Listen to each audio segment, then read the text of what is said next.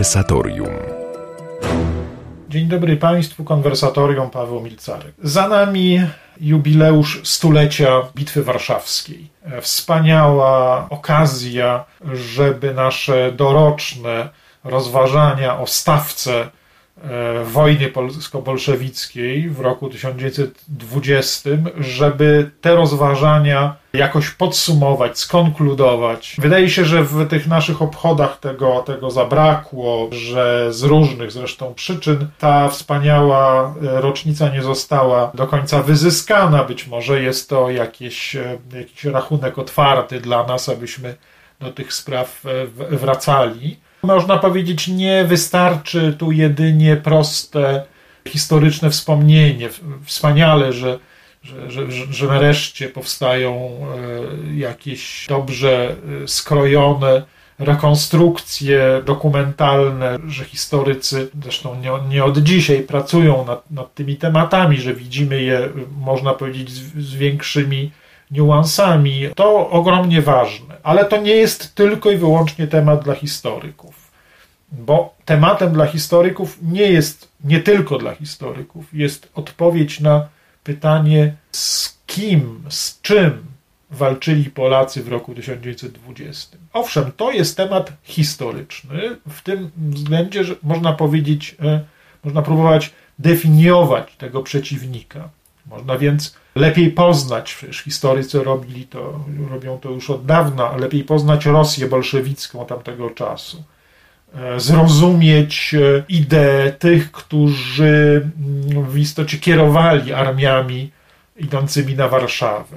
Zrozumieć e, ideę Lenina, Trockiego, zrozumieć co było ich prawdziwym zamiarem, a co tylko można powiedzieć chwilową taktyką. To zresztą ciągle się tam miesza, stąd też i trudność w uchwyceniu zawsze tych e, dalekosiężnych celów. To wszystko mogą zrobić historycy, historycy idei oczywiście również.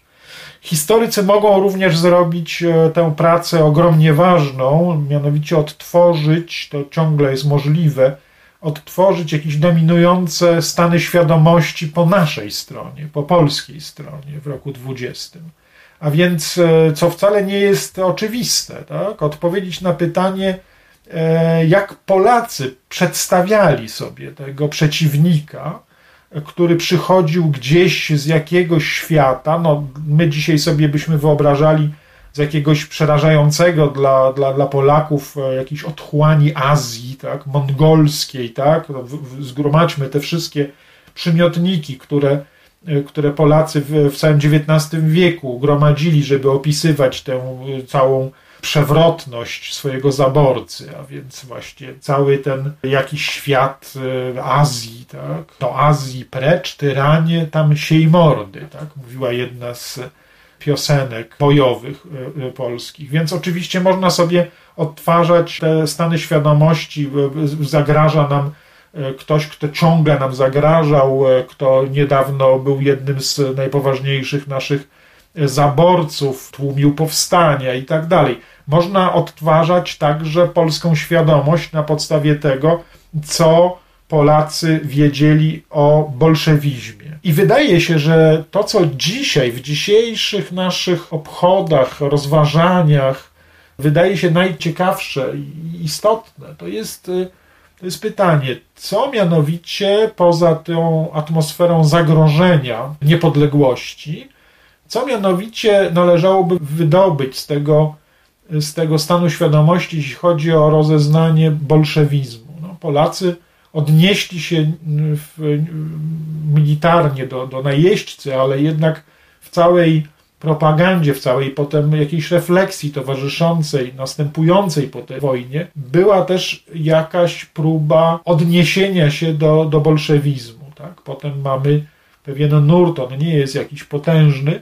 ale y, zaznacza się na przykład i w twórczości potem młodego, y, coraz bardziej doświadczonego y, kapłana, uczonego, księdza Stefana Wyszyńskiego. Problem bolszewizmu które on w swojej twórczości widział w latach 30. już bardziej jako zagrożenie kulturowe, jako zagrożenie idące przez umysły elit, przez umysły inteligencji, a zagrożenie dlatego niebezpieczne, że mające z kolei swoje preteksty, swoje uzasadnienia, swoje podstawy w rzeczywistych słabościach systemu społeczno-ekonomicznego. A więc zadanie nie tylko dla historyków, to zadanie przekraczające perspektywę roku XX. Pytanie, co jest złego w komunizmie? Co jest złem komunizmu? Na to pytanie odpowiadano w późniejszych latach wielokrotnie. W Polsce i na Zachodzie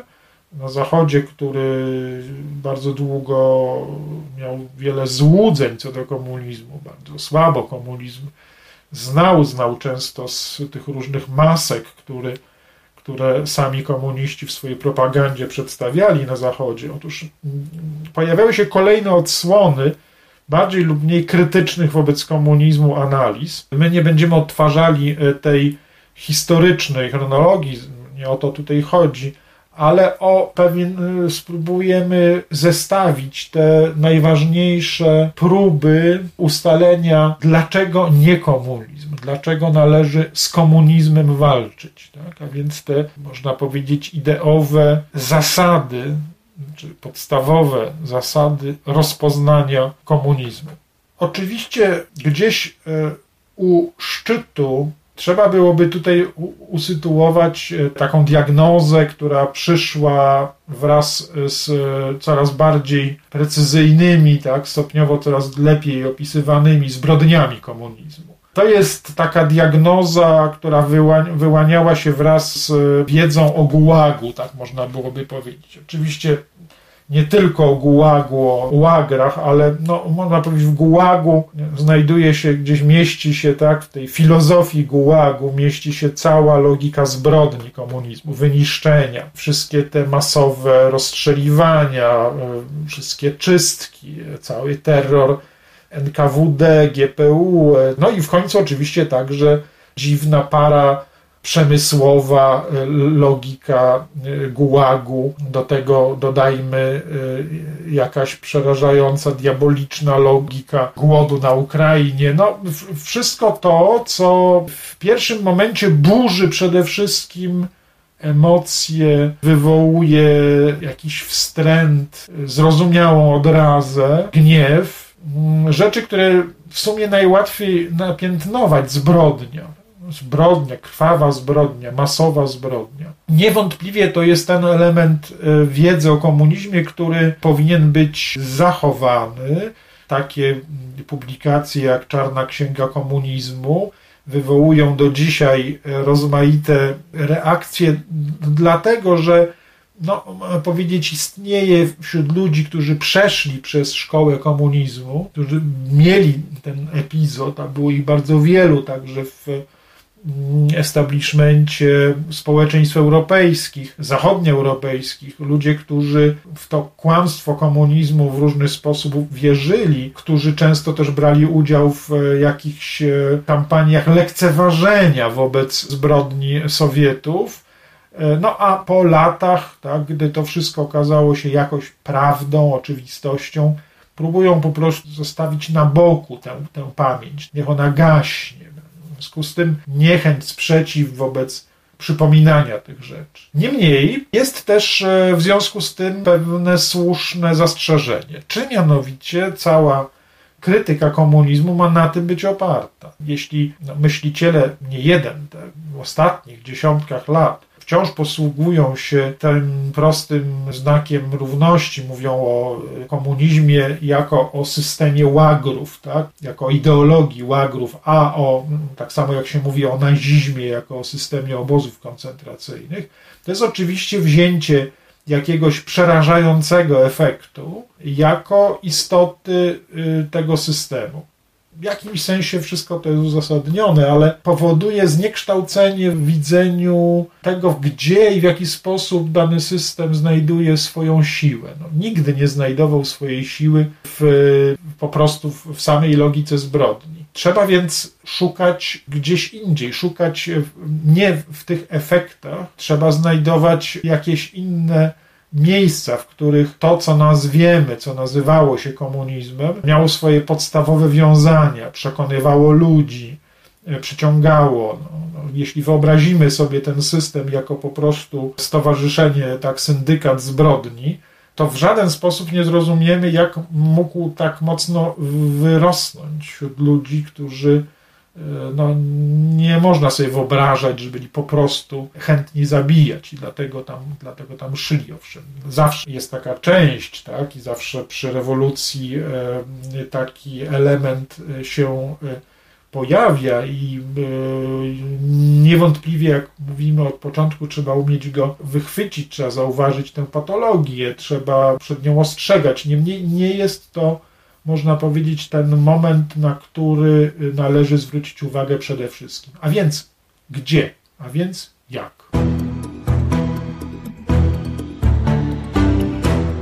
Wracamy do naszych e, rozważań, naszego pytania o zło komunizmu. Przed przerwą doszliśmy do tego wątku rozpoznania komunizmu jako systemu zbrodni. Tak ten system powinien zostać zapamiętany jako system o wyjątkowo wysokim poziomie ofiar, idących w dziesiątki, więcej dziesiątki milionów ofiar, e, trzeba było zliczyć wszystkie w świecie. Taką matematykę ofiar oczywiście e, historycy przeprowadzają, ale powiedzieliśmy również przed przerwą, że to nie jest dostatecznie pouczające, bo nie uczy nas, dlaczego komunizm w ogóle doszedł do władzy, dlaczego e, wcześniej, mimo że nie był ruchem masowym, no, ale był ruchem tak skutecznym, ruchem, który jednak pewnego dnia ludzi zebrał, przekonał, e,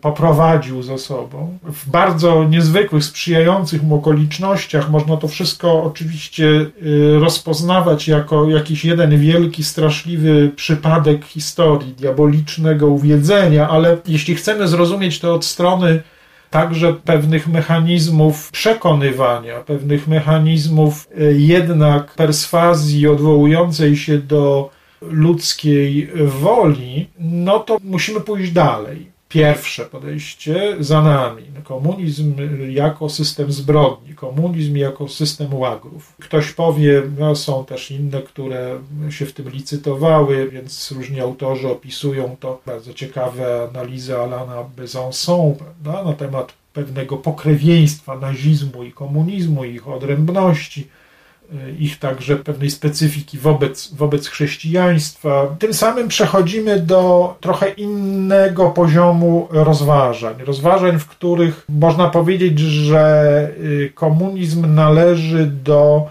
świata ideologii totalitarnych. To już jest trochę inne ujęcie sprawy. Komunizm jako jeden z tych dwudziestowiecznych y, systemów ideologicznych, który uwodził ludzi e, swoim marzeniem o silnych ideach, silnej władzy, o pewnej całości, stąd właśnie totalitaryzm, tak? totalizm, potem zaczęto używać już określenia totalitaryzm. Część z tych ideologii w miarę szybko przegrała. Takim odmiennym przypadkiem jest nazizm, który po prostu przegrał tak? w, w wojnie, którą, którą wywołał w wojnie światowej i został skompromitowany, odszedł.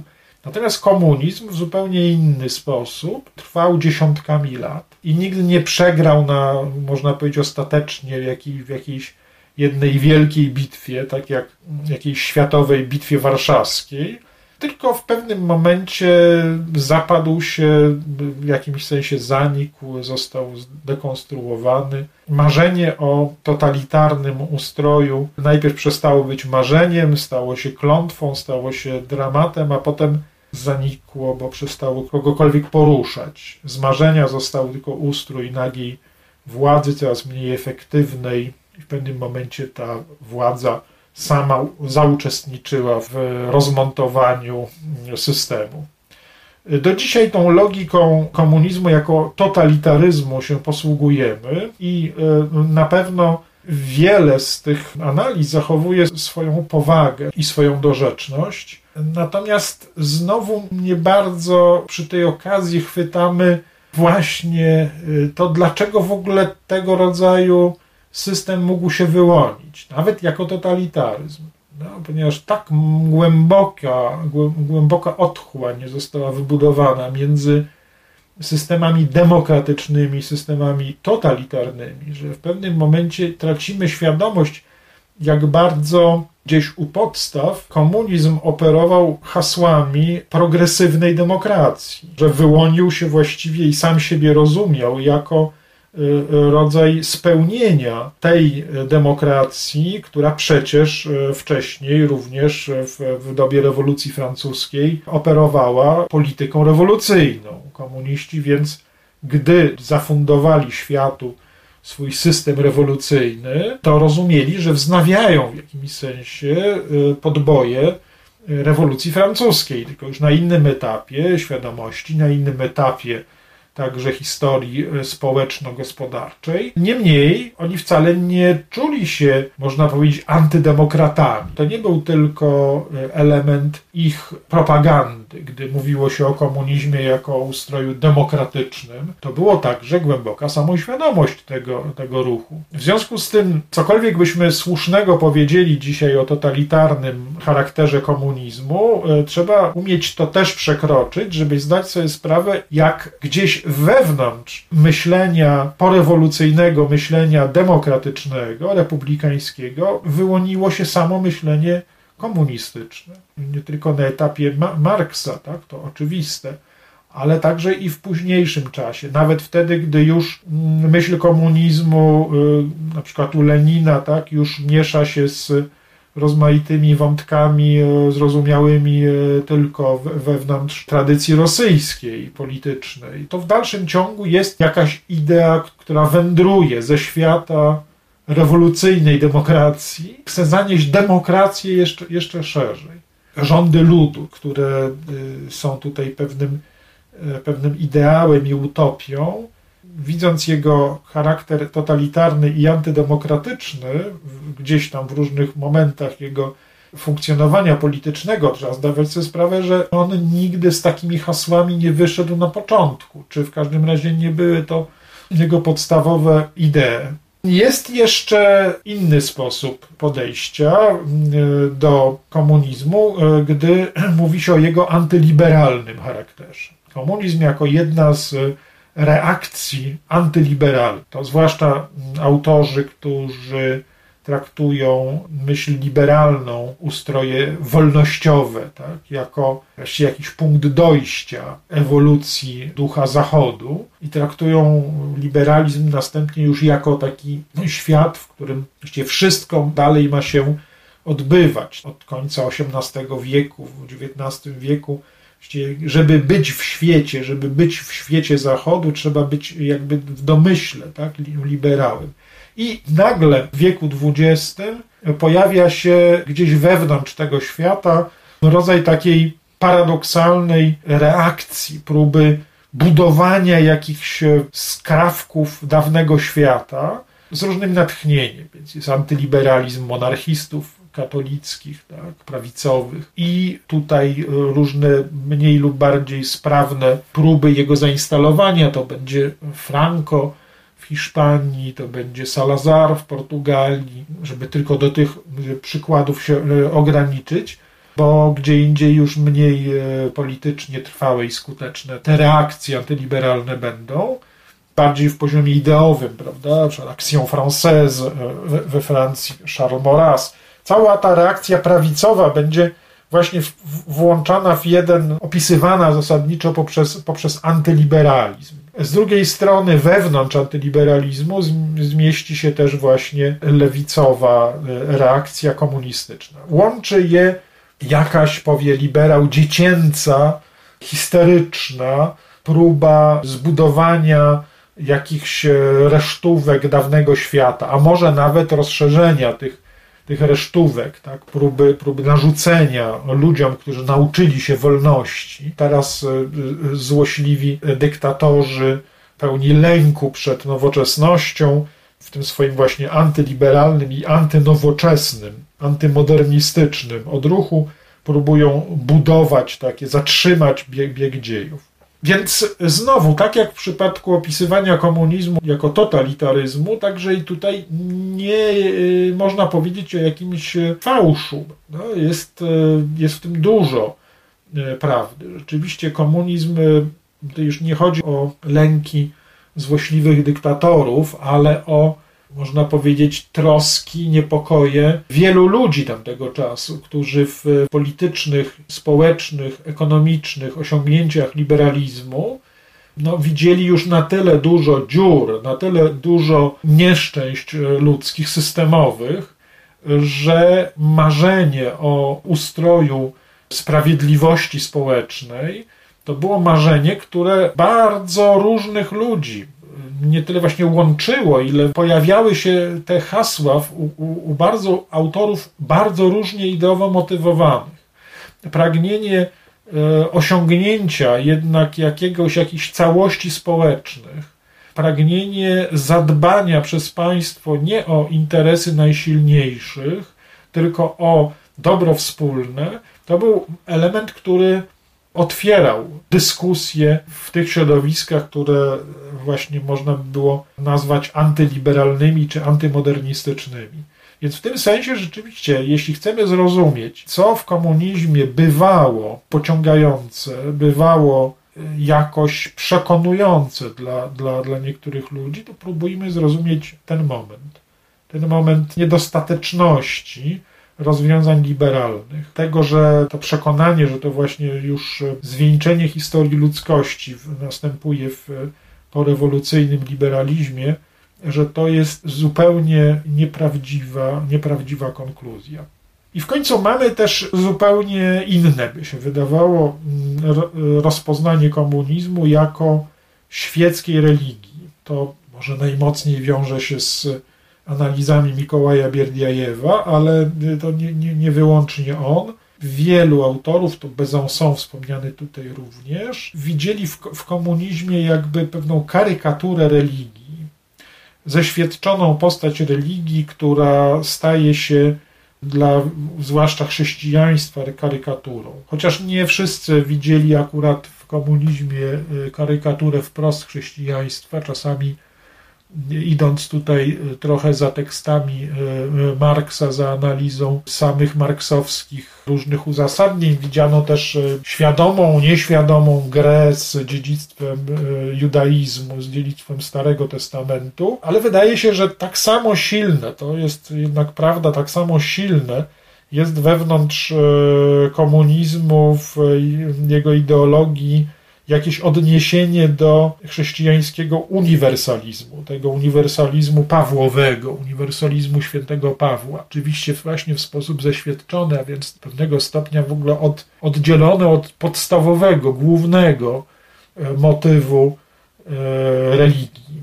Bywa, że ktoś, kto widzi w komunizmie wielką świecką religię, widzi w tym przede wszystkim jakiś diabolizm tego zjawiska. To znaczy, nie, nawet nie uciekając się do y, istotnie metafizycznych tutaj kwalifikacji, ten diabolizm polegałby na tym, że po prostu pewne formy, pewne elementy świadomości religijnej zostają po prostu oderwane z całości religijnej i y, poddane zupełnie nowej logice politycznej ideologicznej. To, to, to niewątpliwie tak wewnątrz komunizmu jest to widoczne. No ale bywa, że ktoś, y, zauważając to, powiada, że właśnie na tym głównie zło komunizmu polegało. Że system, który, system idei, który był emancypacyjny, który miał otwierać człowieka, miał e, prowadzić go do jeszcze większej wolności, ostatecznie skończył, bo taka tutaj jest diagnoza, nie zaczął się tak, ale skończył na tym, że przejął logikę sakralności, e, zwłaszcza miało się to wydarzyć e, w trakcie rewolucji bolszewickiej, w którymś momencie odkrycie, że, że żeby rządzić Rosją trzeba stanąć w miejscu cara. Tak? I jeden z zarzutów, który y, następnie co bardziej radykalni komuniści stawiali systemowi sowieckiemu, to było właśnie, y, to był zarzut, że y, zamiast dokonywać podbojów dla wolności, to stał się on systemem takiego zbiorowego caryzmu, zbiorowego caratu, tak? że świadomość sakralna, polityczna w Rosji, ona zwyciężyła komunizm. Stąd część komunistów rozpoznała w systemie, zwłaszcza stalinowskim, zanegowanie istotnych idei komunizmu i z tej perspektywy krytykowała. Wydaje się, że w tym momencie przybliżamy się do bardzo ciekawego zagadnienia, mianowicie do tego, że wewnątrz samego systemu, wewnątrz samego środowiska komunistycznego istniało to założenie, że jest to idea, że jest to y, ideologia, y, która y, nie tyle właśnie chce używać logiki sakralnej, logiki religijnej, tylko pozbywać jakichkolwiek śladów religijności. Istotny moment sporu wewnątrz ruchu komunistycznego na ten temat, który gdzieś został ostatecznie chyba najmocniej podsumowany dopiero w końcu lat 40. i tutaj e, mało dla nas wówczas interesujące mało nas e, angażujące naszą uwagę, wewnętrzne e, spory, w których właściwie ta grupka dysydentów wewnątrzkomunistycznych wydawała się nic nieznacząca no, wobec siły, potęgi politycznej sowieckiego komunizmu. Na pewno nie, nie wydawało się, że ktokolwiek inny może być rzecznikiem tej ideologii, w sensie reprezentuje komunizm ten, kto ma władzę. W tym sensie zawsze interesowała nas ta bardziej to, co jako komunizm prezentowali Sowieci. Ale być może to nie jest właściwa droga, jeśli chce się zrozumieć ewentualną żywotność pewnych idei komunistycznych dzisiaj. Bo temat, który dzisiaj podjęliśmy, oczywiście nie jest wyłącznie historyczny. On dotyczy także świata dzisiaj. Pytamy, czy 100 lat po Bitwie Warszawskiej, komunizm, 100 lat po Bitwie Warszawskiej, już kilkadziesiąt lat po, jak się mówi, upadku komunizmu na przełomie 80. i 90. lat XX wieku, że tyle lat po tym wszystkim, czy komunizm w ogóle jest tylko straszną pamiątką, czy jest e, również jakimś żywym natchnieniem? To dobre pytanie, w którym trzeba się również zmierzyć.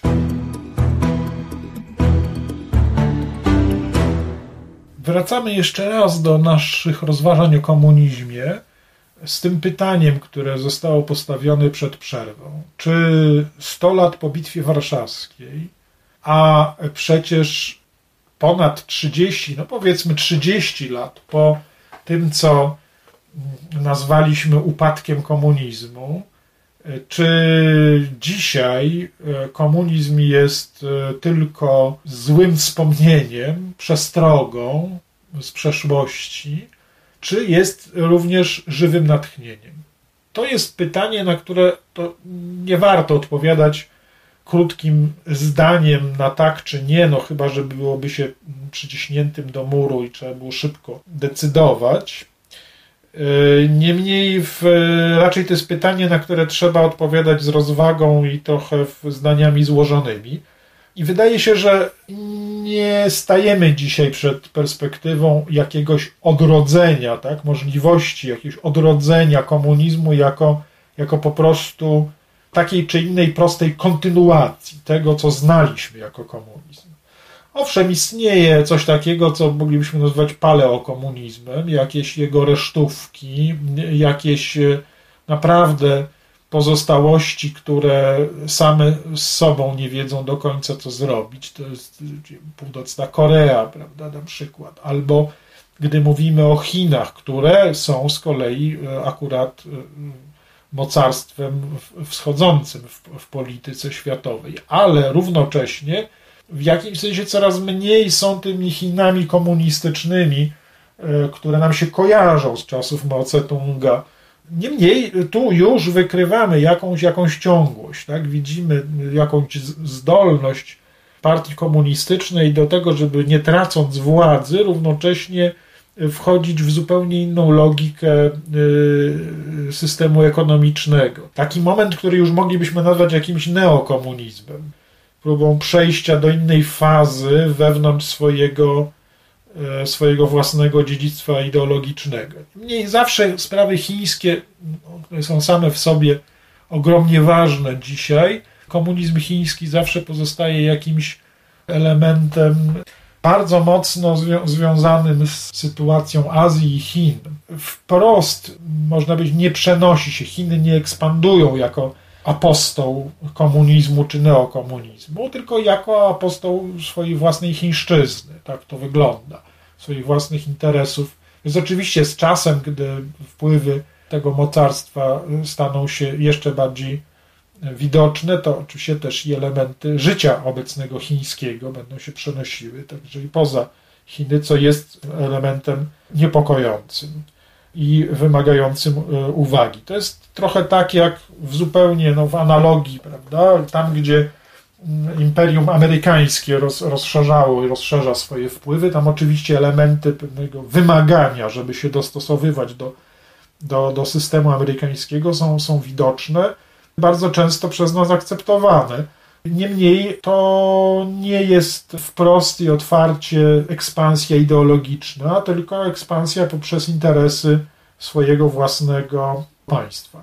Pytamy jednak dzisiaj o coś innego. Nie o to, czy pewne elementy dziedzictwa neokomunistycznego w Chinach będą się rozszerzały, będą gdzieś tam obecne w życiu innych społeczeństw, dlatego że będą tam zaangażowane interesy handlowe, polityczne Chin, tylko pytamy o to, czy sama ideologia komunistyczna z jej gorliwością, z jej planami reformy społeczeństwa, czy to, jest, czy to gdzieś może się dzisiaj na naszych oczach odbudowywać. Wydaje się, że ani paleokomunizm, czyli takie proste, toporne odniesienia do do, do przeszłości komunistycznej, to dzisiaj obecne jest trochę na zasadzie farsy, tak? Ktoś e, tak zakłada koszulkę z Che Guevarą, ktoś pozuje na zwolennika rewolucji bolszewickiej, no, ale coś takiego może się pojawiać. Nie to jest e, istotne, ciekawe,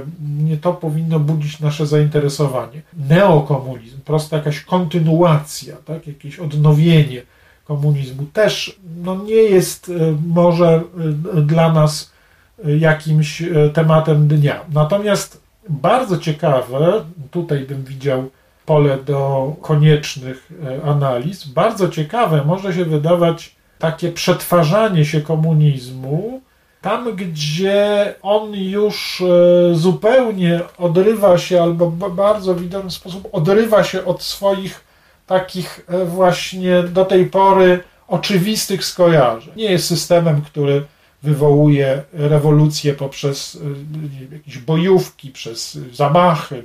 Nie jest systemem, który zapowiada rewolucję, tak jak zapowiadali ją bolszewicy. Nie ogłasza, że będzie eliminował swoich przeciwników tak, w taki dokładnie sam sposób. I równocześnie nie koncentruje, nie zawsze koncentruje swoją uwagę akurat na tych klasycznie tak, bolszewickich czy komunistycznych tematach społeczno-ekonomicznych. Dzisiaj wydaje się, że przedmiotem naszego zainteresowania powinna być refleksja świetnego analityka sprawy komunizmu i sprawy nowoczesności politycznej, mianowicie Augusta del Noce, taki w Polsce skrajnie nieznany, tak bym powiedział, myśliciel. Na Zachodzie jednak czytany i analizowany. To Włoch, można powiedzieć, z powodu języka włoskiego, akurat jego dzieła nie miałyby prostego wstępu do wielkiej debaty na Zachodzie dzisiaj, ale znaczące, że właściwie wszystkie istotne jego prace zostały przetłumaczone na, na angielski, są wznawiane, wydawane, kursują. Może nie jest to myśliciel, o którym byśmy zaraz usłyszeli, gdy tylko zapytalibyśmy o analizę komunizmu, ale jest to myśliciel ogromnie ważny, interesujący. Augusto del Noce, który jako pierwszy mówił w latach 60., 70. o systemach zachodniej desakralizacji. I wydaje się, że jego analiza istotnych, ideowych fundamentów komunizmu i jego przynależności do pewnej y, logiki y, zachodniej desakralizacji, że to są materiały, które powinny być przedmiotem naszych obecnie dyskusji seminaryjnych, naszych analiz e, pogłębiających, jeśli chcemy zrozumieć cały obecnie uderzający w nasz świat e, nurt emancypacyjny. Bo to, co niedawno, w, w, także w Polsce, zostało ku zgrozie e, wielu, a ku aplauzowi innych nazwane tęczową zarazą, no to jest takie, można powiedzieć, ujęcie na poziomie publicystycznym, emocjonalnym, nie zawsze w związku z tym właściwie nie opisującym, nie ma, nie ma tutaj ambicji jakiegoś opisu, tylko wskazanie palcem na zjawisko jakiegoś istotnego politycznego już w tej chwili, także ideowego sporu. Znowu jest jakieś zderzenie z jakimś ruchem emancypacyjnym, który równocześnie no, ma ambicje jakiegoś głębokiego przetwarzania naszej kultury. Niby z jednej strony dąży jedynie do wyzwolenia tak, pewnej grupy, w tym wypadku jakoś mniejszościowej, z drugiej strony jednak dąży do takiego wyzwolenia tej grupy, żeby przetworzyć życie wszystkich. Niby z jednej strony wymaganie jest od tych wszystkich, żeby byli tylko obojętni, żeby nie, nie, nie, nie przeszkadzali. Z drugiej strony jednak moment politycznej poprawności wymaga zupełnie innego w tej chwili języka, innych, e, nawet na poziomie podstawowej, e, podstawowej e, gramatyki, tak? odnoszenia się do mężczyzny jako mężczyzny, kobiety jako kobiety. Te, wszystkie rzeczy są przed nami. To jest ta dyskusja, która się właśnie w tej chwili toczy. I pytanie, jaki udział w tym ma nie właśnie historyczny komunizm, nie jakiś abstrakcyjny marksizm kulturowy, tak? tylko jaką rolę ten, ten dawny komunizm może odegrać jeszcze. Tak? Gdzie jakie elementy tego dawnego komunizmu mogą e, odgrywać dzisiaj rolę w, także w tym, w tym zderzeniu. Wydaje się, że, że, że, że często sprawdzamy to do prostych bardzo schematów. Trochę tak wygląda, jakby, jakby w tym dzisiejszym zderzeniu, w tym dzisiejszym napięciu chodziło po prostu o wznowienie mm, komunizmu, tyle tylko, że w wersji kulturowej, a nie ekonomicznej, nie społeczno-ekonomicznej. Proste przeniesienia i kalki są przez publicystów śledzone. Wyzwolenie proletariatu, a dzisiaj wyzwolenie nie wiem, jakichś grup mniejszości seksualnych to są rzeczy, które funkcjonują, jak powiedziałem, na poziomie publicystyki, ale interesuje nas być może, tak, sądzę, coś głębiej, gdzie ewentualnie pewne prace komunizmu, które y, być może także przez sam komunizm zostały historycznie gdzieś tam za, również zaniechane i zatrzymane, że te prace są w jakimś sensie wznawiane, podejmowane przez ludzi o zupełnie innym kolorze umundurowania, zupełnie innym kształcie haseł, bez żadnych gułagów, bez e, negowania demokracji liberalnej, ale można powiedzieć z tym samym potężnym wigorem, można powiedzieć bolszewickim, niechęci do dawnego świata i do jego, i do jego kultury.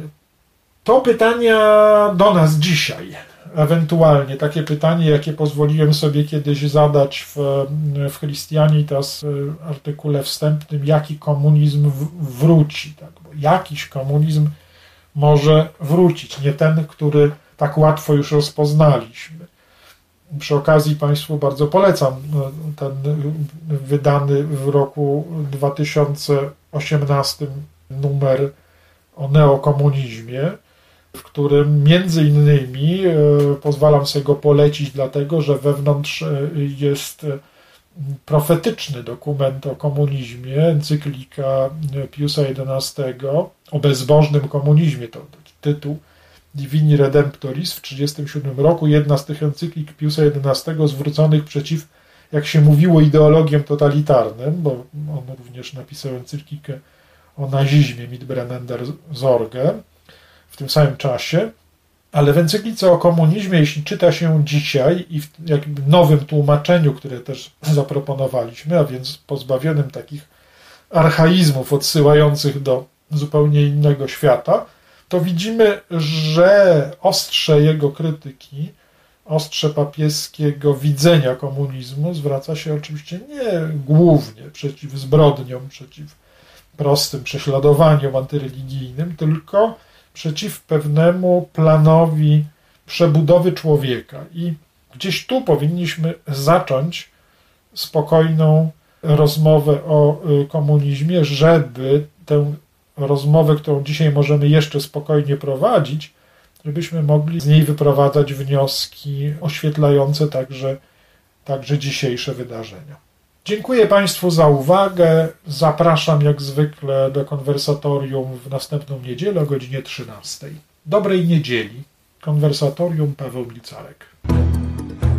Audycja powstaje we współpracy z kwartalnikiem Chrystianitas.